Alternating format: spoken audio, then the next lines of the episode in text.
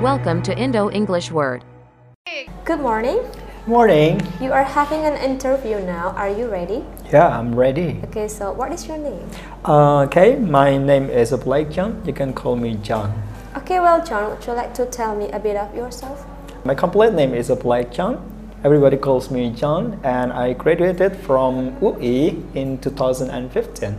Okay, do you have any job experiences? Yeah, I do. What's that? Yeah, I had been teaching English for about three years after graduating from my university. So, what is your big motivation? My big motivation, I want to improve myself to be a trainer in this company, exactly English trainer.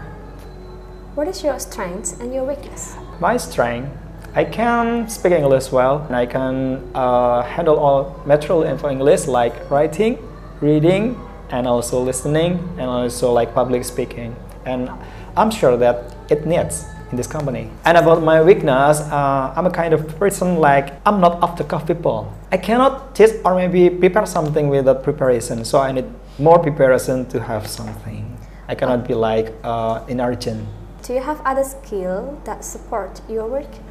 Yeah, I have some skills beside uh, an English skill. I'm good at computer IT application. Uh, I can operate like Microsoft Word, Microsoft Excel, Photoshop, and then Corel, CorelDRAW.